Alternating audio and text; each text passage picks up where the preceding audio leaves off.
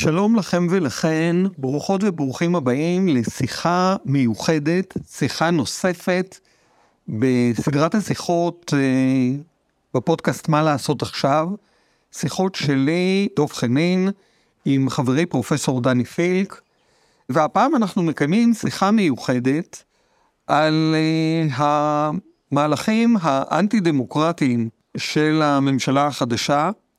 אנחנו ביחד ננסה לעשות איזושהי הערכת מצב, מה קורה. נדבר גם על ההתנגדויות, המורכבות שלהם, היתרונות שלהם, הכוחות שלהם וגם החולשות שלהם. וכדרכנו נקנח בשאלה מה אפשר וצריך לעשות עכשיו. לפני שאנחנו נפתח את השיחה, אני רוצה לנצל את ההזדמנות כדי לפנות אליכם ואליכן, המאזינות והמאזינים שלנו, אה, ולהציע לכם ולכם אה, לעשות מינוי על אה, רוזה מדיה. זה בעצם אתר התקשורת האלטרנטיבי, הסוציאליסטי, שיכול לתת לכם אינפורמציה, מידע וזוויות ראייה על שאלות שאנחנו לפעמים שומעים עליהן קצת, לפעמים לא שומעים עליהן בכלל, אבל בדרך כלל לא שומעים עליהן דיון מזווית מספיק ביקורתית ומספיק מעניינת. אז עשו לכם ולכם את הטובה הקטנה הזו ורשמו כמנויים לרוזה מדיה. ואני שמח שאתם ואתן כאן איתנו,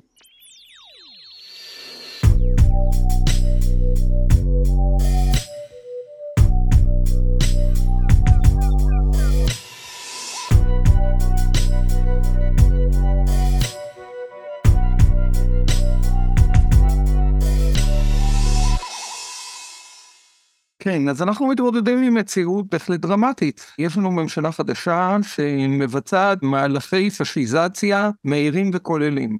למהלכים האלה יש הרבה אה, צורות והרבה זוויות, אבל בגדול המכנה המשותף בין כל המהלכים זה ניסיון לסלק כל מיני מכשולים שעומדים בפניהם בדרך לשלטון ללא מצרים, לשלטון בלתי מוגבל. ישנו מאמץ אה, לשחוק את אה, כוחם של בתי המשפט, מדברים הרבה על אה, פסקת ההתגברות, אבל זה לא רק פסקת ההתגברות, שזה ביטול חוקים, וזה מצב מאוד מאוד נדיר בסך הכל בבתי המשפט בישראל, זה גם ביטול עילת הסבירות, שזו עילת ההתערבות הראשית של בתי משפט בהחלטות מנהליות, זה צמצום של זכות העמידה, שזו בעצם זכותו של האזרח או זכותו של ארגון חברתי לפנות לבית המשפט לסעד, כאשר השלטון פוגע בו או פוגע בזכויותיו או פוגע בעקרונות של צדק אה, באופן יותר כללי. שינוי של אה, שיטת בחירת השופטים באופן שבעצם ייתן לממשלה שליטה ישירה על מינוים של השופטים. אנחנו נמצאים היום במערכת שבה הפוליטיקאים הם רק ארבעה מתוך תשעה חברי הוועדה, והמטרה היא לייצר רוב מוחלט בתוך הוועדה לבחירת שופטים לחברי הקואליציה, אה, ועוד כל מיני פגיעות בבתי המשפט. הנושא הזה של המהפכה המשפטית זכה להרבה מאוד תשומת לב, אבל אה, לא פחות חשוב לשים לב לעוד מנגנונים של אה, שינוי דרמטי שהממשלה הזאת מקדמת. ישנו, ישנה פגיעה משמעותית ואיום משמעותי על עתידו של השידור הציבורי. תאגיד כאן, שזוכה להרבה פופולריות, ייסגר, או שהתקציב שלו יצומצם בצורה דרמטית.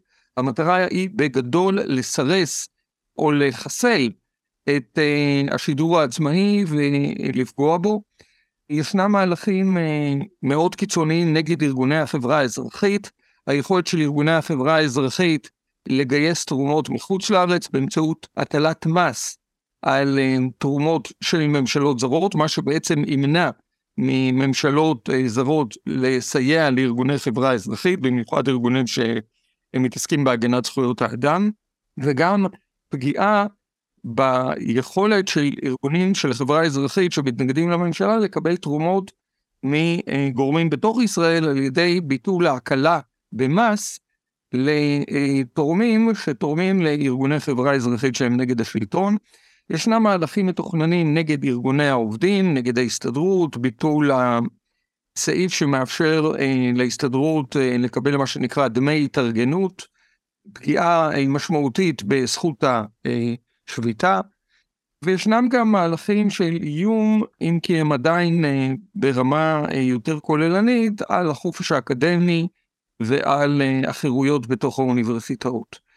כשאני אומר שאנחנו נמצאים היום מול מהלכים של פשיזציה, אני ממש לא מתכוון להגיד שאנחנו חיינו קודם במצב אידיאלי.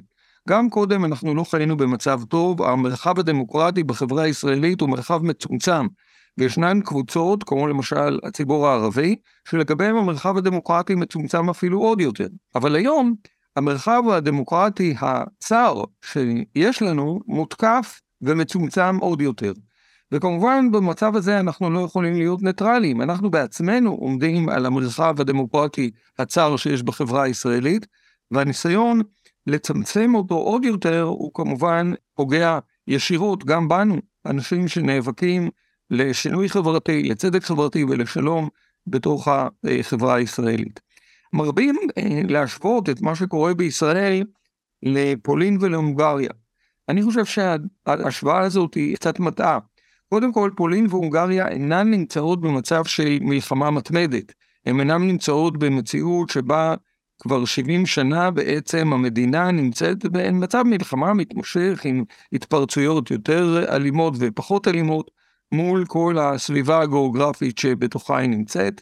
פולין והונגריה לא מקיימות אה, כיבוש צבאי כוחני על אוכלוסייה של מיליוני בני אדם, ולא בפולין ולא בהונגריה יש מיעוט לאומי גדול שמבחינת זהותו הלאומית הוא חלק מהרוב הלאומי שנמצא מסביב למדינה ונמצא בעצם במצב מלחמה איתה. אז אין שם מצב מלחמה מתמשך, אין שם כיבוש, אין שם מיעוט לאומי שהוא ממילא מותקף, מופלה ומסומן כאויב מבפנים. זה אומר שהתהליכים בישראל יכולים להיות הרבה יותר דרמטיים, הרבה יותר מסוכנים, וצריך להשוות אותם למצבים בהיסטוריה שבהם פשיזם נוצר והתפתח במקביל למלחמה ובמקביל לעדיפה של מיעוט לאומי. אז בסך הכל, המצב שאנחנו נמצאים בו, כפי שאני מנסה לומר, הוא גם מאוד דרמטי וגם מאוד מסוכן. אליך, דני. כן, אה, אני חושב שמעבר אה, למה שדוב אמר, אה, אחת הבעיות של המצב הנוכחי זה שאפשר לאפיין בתוך הממשלה הזאת שלושה זרמים של ימין שהם שונים האחד מהשני. יש כמובן זליגה ביניהם, הגבולות לא מאה אחוז ברורים, אבל בכל זאת הם שונים, וצריך לקחת את זה בחשבון, כי זה הופך את המאבק נגד הממשלה ליותר מורכב. ולמה הכוונה? מצד אחד, יש לנו, אה, ודוב דיבר על תהליכים של פשיסטיזציה, יש בתוך הממשלה הזאת מרכיבים פשיסטים, אולי לא פשיסטים פגאנים, אה, כמו הפשיזם האיטלקי, אבל אה, פשיזם עם מרכיב דתי אה, מאוד אה, חזק, גרסה יהודית אולי של הפשיזם הספרדי בתקופת פרנקו והפננגות, שגם היה פשיזם עם מרכיב דתי, במקרה הזה קתולי, מאוד אה, חזק. אפשר לומר שבן גביר הוא אה, מייצג של הזרם הזה. יש זרם שני שהוא אה, זרם של שילוב בין שמרנות רדיקלית וניאו-ליברליזם רדיקלי. אה, הביטוי האינטלקטואלי של הזרם הזה זה מכון קהלת, שהוא מאחורי הרבה מהיוזמות של הממשלה הזאת, גם חלק משמעותי של הרפורמה המשפטית, גם הפגיעה בזכות השליטה, גם הרעיון של ביטול השידור הציבורי, כל אלה מתוך מכון החשיבה של מכון קהלת, שכדאי לזכור, הוא ממומן על ידי מספר אה, מיליארדרים אה, אמריקאים, אפרופו השפעה זרה על מה שקורה אה, במדינה. אני חושב שבהרבה מובנים, אחד הביטויים של הזרם הזה בממשלה הנוכחית הוא סמוטריץ', אבל אפשר גם לראות ביאיר נתניהו ביטוי לזרם הזה.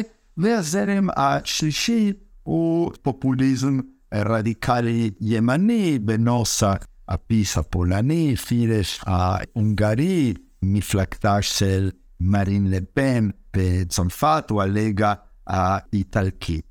למה חשוב לאפיין, ויש איזה פתגם אחרי מלחמת העולם השנייה, שאומר שאם בשולחן יש פשיסט אחד ועשרה לא פשיסטים, יש בעצם בשולחן 11 פשיסטים, כי הם מסכימים לשבת איתו על אותו שולחן.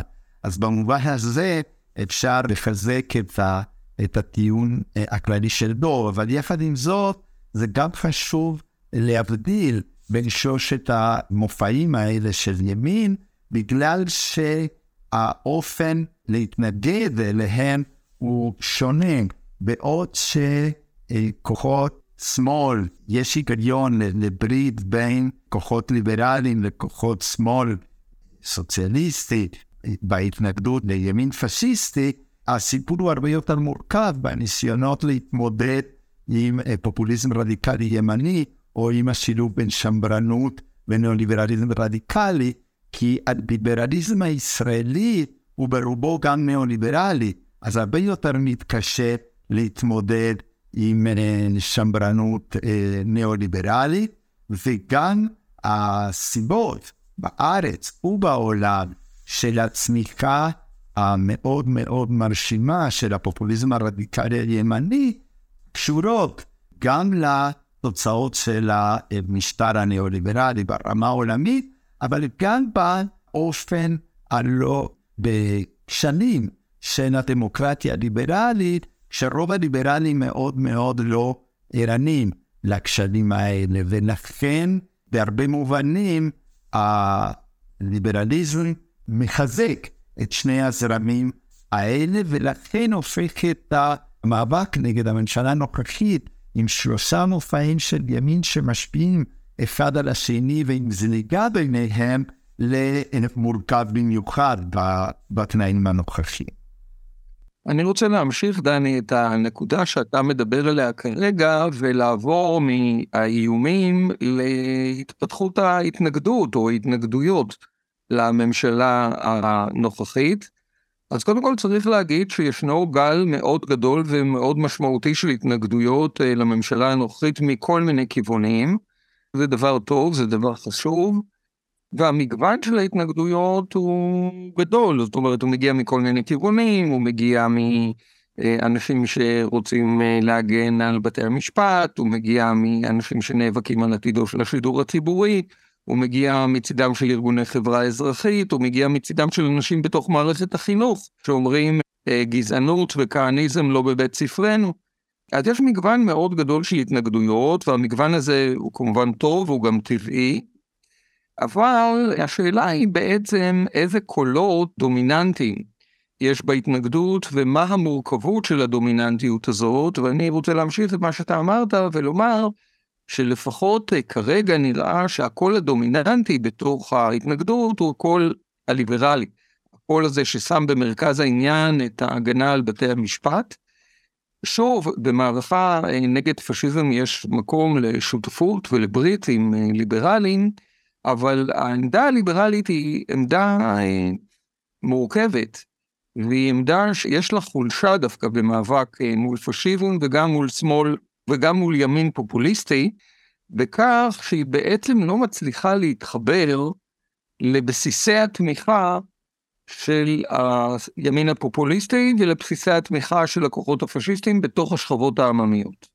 להפך, במידה מסוימת דוב, זאת אומרת, במקום לנהל מאבק שמעמיק סדקים שהם קיימים בין הקבוצות החברתיות השונות שהביאו את הממשלה הזאת לשלטון, וסדקים כאלה קיימים. אנחנו רואים את הביטויים האלה במתחים בין המפלגות, אפילו בתוך מפלגות, נגיד הביקורת של אנשים כמו יאיר כץ או דוד ביצן על הרעיון של uh, סגירת התאגיד. אה, זאת אומרת, הסדקים האלה קיימים, אבל האופן שבו למשל התנועה לאיכות השלטון מנהלת את ההתנגדות לצעדי הממשלה, רק מלכדת ומחזקת את הקשרים בין הקבוצות האלה, או בניסיון לקבוע למשל דרך איומים על הורדת דירוג האשראי, שינויים ברפורמות, אלה בדיוק דברים שהביאו לחיזוקו של הפופוליזם הרדיקלי הימני בעולם לאורך ה-20 שנים האחרונות. כאן באמת אה, מתעוררת השאלה של איך מפתחים אסטרטגיה אפקטיבית למאבק נגד הממשלה החדשה. אז אנחנו יכולים לקחת שתי דוגמאות מעניינות מתוך המאבק של החודש האחרון בעצם. אמ, אחד, זו הסיסמה, זה הבית של כולנו, שתנועת עומדים ביחד הציבה כסיסמה מרכזית ומכוונת בעצם לאחד מסביבה מגוון מאוד גדול של דמויות של נפגעים. זה הבית של כולנו, כן, זה בית של אה, נשים וגברים, זה בית של קהילות להט"ב ושל סטרייטים, זה בית של פריפריה ושל אנשים שחיים במרכז הארץ, זה בית של ערבים ושל יהודים. זה ניסיון לייצר מחאה יותר מכילה, שבה יש מקום למגוון יותר גדול של קבוצות אוכלוסייה, שהאינטרסים שלהם באופן אובייקטיבי מאוימות בצורה כזאת או אחרת על ידי מהלכי השלטון החדש. ככל שהמאבק יהיה מאבק יותר מכיל, ככל שהוא יהיה מאבק שפותח יותר למגוון של קבוצות ומגוון של כוחות להצטרף לתוכו, הוא יהיה כמובן יותר אפקטיבי. אז זו דוגמה ראשונה. הסיסמה הזו, זה הבית של כולנו, שהיא הסיסמה המרכזית, אפשר להגיד שתנועת עומדים ביחד מתחילת המחאה, והיא הסיסמה שתחתיה התנהלה גם ההפגנה הגדולה הראשונה נגד הממשלה החדשה בתל אביב לפני שלושה שבועות. זו דוגמה אחת של ניסיון לייצר אסטרטגיה יותר מוצלחת, יותר אפקטיבית להתנגדות לממשלה. דוגמה שנייה זה הניסיון לקחת נושא כמו סגירת השידור הציבורי ולהפוך אותו לנושא מרכזי. השידור הציבורי, תאגיד כאן, הוא מאוד מאוד מאוד פופולרי. סקרים אומרים שרוב גדול של הציבור, גם בקרב מצביעי הימין, נהנים משידור הציבורי ותומכים בהמשך קיומו של השידור הציבורי. כאן בעצם המאבק הזה מתנהל מול קבוצה מסוימת בתוך השלטון, אותה קבוצה שהאג'נדה שלה מוכתבת על ידי פורום קהלת, ושבעצם רוצה לפרק את השידור הציבורי לא רק בגלל שיש בו קולות ביקורתיים, אלא כי היא לא מאמינה בכלל בתקשורת ציבורית, והיא רוצה להעביר את כל התקשורת לשליטתם של בעלי הון פרטיים, היא מאמינה בתקשורת של טייקונים בלבד. אז המאבק הזה להגנת השידור הציבורי הוא מאבק מעניין גם מכיוון שהוא מאבק צודק ונכון, אבל גם מכיוון שהוא יכול להיות מאבק מאוד אפקטיבי ולהגיע לציבורים אה, מגוונים ורחבים הרבה יותר. כמובן זה לא רק מאבק על אה, חופש ביטוי ועל חירויות, זה גם מאבק של עובדים נגד הניסיון לסגור את מקום עבודתם, זה מאות רבות של עובדים שעובדים לא רק בחזית של התקשורת, אלא בעורף של התקשורת, בכל העבודות שתומכות בשידור הציבורי. אנחנו מדברים פה על פרנסה של אלפי משפחות. ובנושא הזה באמת עומדים ביחד יזמה עצומה נגד סגירת כאן, נגד סגירת תאגיד השידור הציבורי, וזו עצומה שעד עכשיו אה, חתמו עליה למעלה מ-60 אלף אנשים, והמטרה היא באמת להגיע למספרים גדולים מאוד של חותמים כדי להמחיש לממשלה שהמהלך הזה הוא מהלך לא רק לא ראוי ולא נכון, אלא הוא גם מהלך לא פופולרי, לא רק אצל תומכי הממשלה היוצאת, אלא לא פופולרי גם בקרב חלק מתומכי הממשלה הנוכחית.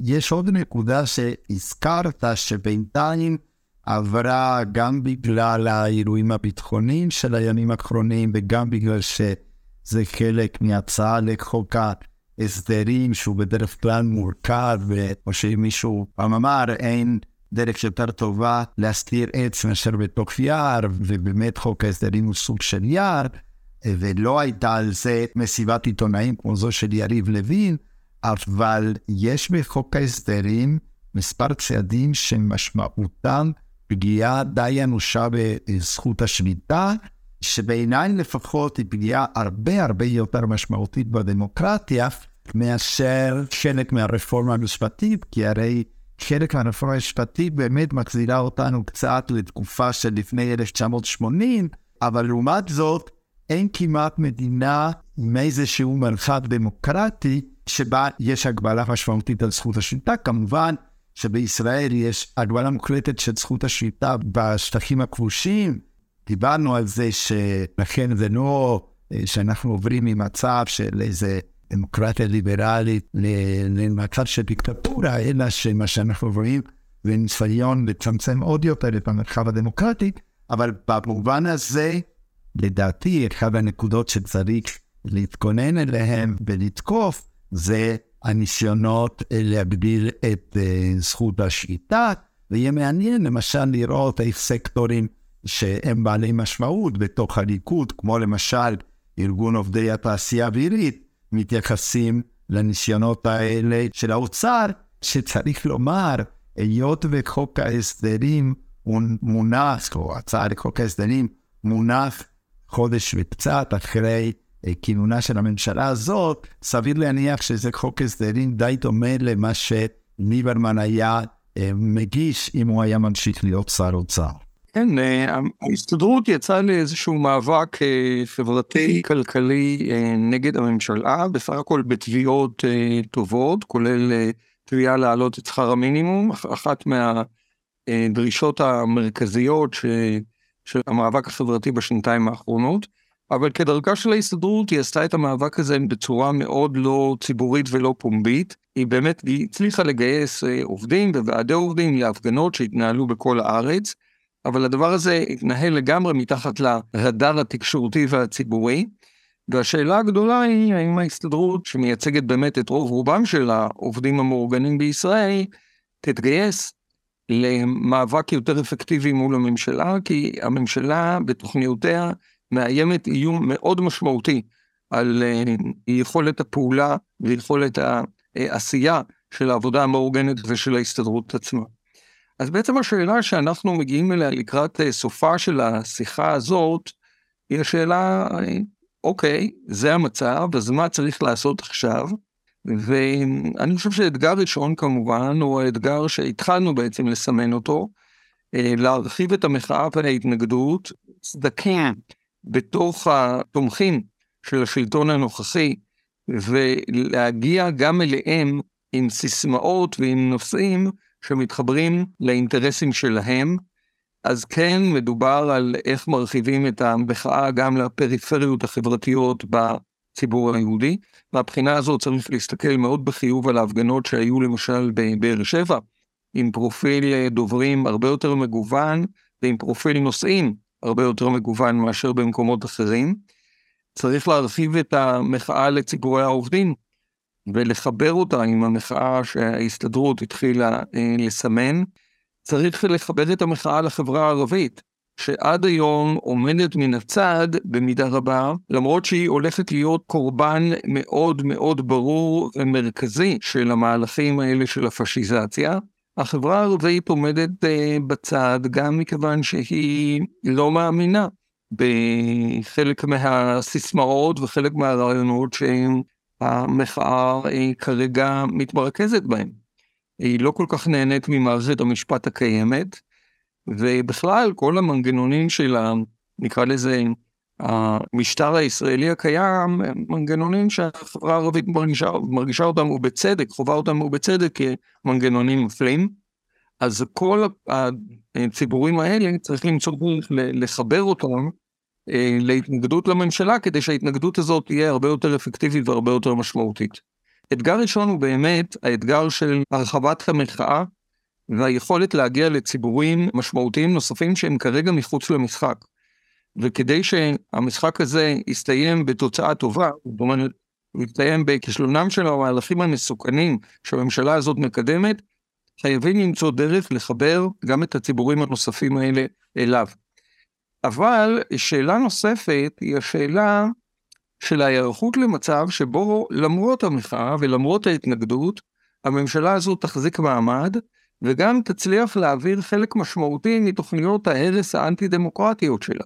זו בהחלט אפשרות קיימת, כי בינתיים לפחות, הבלוק הפוליטי שעליו נשענת הממשלה הזאת, נראה בסך הכל יציב וסולידי, למרות התחלה של סדקים שדני תיארת אותם קודם. אה, במצב כזה, שבו הממשלה מחזיקה מעמד, מצליחה להעביר חלק משמעותי מתוכניות ההרס האנטי-דמוקרטיות שלה, אולי אפילו בצורה של פשרה, אבל זו תהיה פשרה כמובן רקובה ובעייתית, אה, ישנה סכנה מאוד גדולה. ישנה סכנה שחלק גדול מהציבור שיצא להפגין יחווה דמורליזציה, יחווה ייאוש. אה, יגידו אנשים, כמו אחרי המחאה החברתית, היינו מאות אלפי אנשים ברחובות ודברים משמעותיים לא השתנו, אז אולי אין טעם בכלל להיאבק, אין טעם להפגין, אין טעם לצאת לרחובות. ואני חושב שכאן יש בפנינו אתגר מאוד מאוד גדול של לחשוב על הבנייה של השלב הבא. לדעתי השלב הבא צריך להיות השלב של מעבר מהתנגדות להתנגדות בונה. האם אנחנו יכולים, על בסיס האנרגיה של ההתנגדות שקיימת היום, לחשוב במונחים של התנגדות בונה, מונחים שדיברנו עליהם דני גם בספר שלנו מה לעשות עכשיו וגם בשיחות שניהלנו בעקבות הספר הזה. אז אני מזכיר למאזינים שלנו, התנגדות בונה היא התנגדות שבעצם משתמשת באנרגיה של ההתנגדות כדי לייצר מבנים בתוך המציאות הקיימת, שהם מבנים של התנגדות, אבל הם גם מבנים שמסמנים בתוכם את האפשרות למציאות אחרת. אז למשל, אנחנו יכולים לחשוב על התחלה של בנייה של רשת של קהילות של סולידריות ותמיכה הדדית בתוך החברה שלנו. זה צריך להיות מגוון מאוד גדול של קהילות מכל מיני סוגים. יכולות להיות קהילות שהן ממקום פיזי, כמו למשל תרבות של סולידריות, שזו קהילת סולידריות מאוד יפה שפעילה בדרום תל אביב. יכולות להיות אה, קהילות שהן מאורגנות מסביב לעשייה פוליטית ותרבותית משותפת.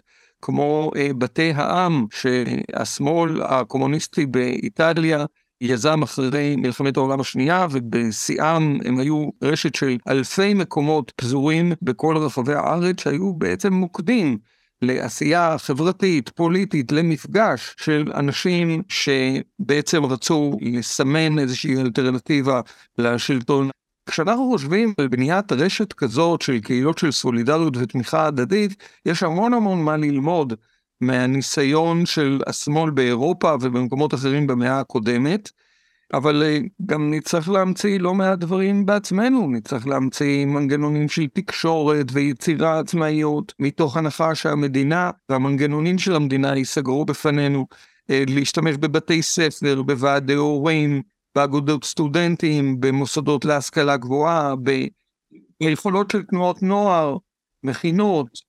אז הנה, אנחנו יכולים לראות סתם שתי דוגמאות בשני נושאים שונים, אחד של למידה מחוץ לארץ ואחד מכאן, אז אחד מכאן זה למשל, יש התארגנות של מרצות ומרצים אל מול האפשרות שמעוז יפסול אה, כניסה לבתי ספר או מימון אה, של משרד החינוך לכניסה של תכנים מסוימים לבתי ספר. יש התארגנות של מרצות ומרצים שמציעים את עצמם בהתנדבות מוחלטת לבוא להרצות לבתי ספר שיזמינו אותם כאלטרנטיבה. דבר שני, אפשר לחשוב על אה, מה שעשו, מה שהיה אחד התוצאות של המחאה בספרד, אה, של מחאת האינדיגנדוס, שזה צמיחה של uh, תוכניות טלוויזיה אינטרנטיים במסגרת לא מסחרית, שהייתה אחת הפלטפורמות שמהן uh, אחר כך התפתחה uh, מפלגת פודמוס. אל מול הרצון של הממשלה על ידי סגירת כאן להפוך את כל השידור לשידור מסחרי בידי מספר ילד תקשורת שרק עם הון גדול אפשר להקים קונגלומרט כזה, אה, להציע אה, פלטפורמות אינטרנטיות יחסית זולות, לא מסחריות, שמייצרות אה, תכנים עצמאיים שמשקפים את המגוון הרחב של החיים החברתיים בישראל. לגמרי. אפרופו תקשורת עצמאית, אז שלושה גופים של תקשורת עצמאית, המקום הכי חם בגיהינום, שקוף והעין השביעית, כבר יצרו ביניהם איזשהו שיתוף פעולה כדי לייצר איזושהי רשת תקשורת עצמאית אלטרנטיבית. וכמובן המרחב הוא מאוד מאוד גדול לעשייה, לפעולה וליצירתיות בקידום אה, מנגנונים ומוסדות של התנגדות בונה.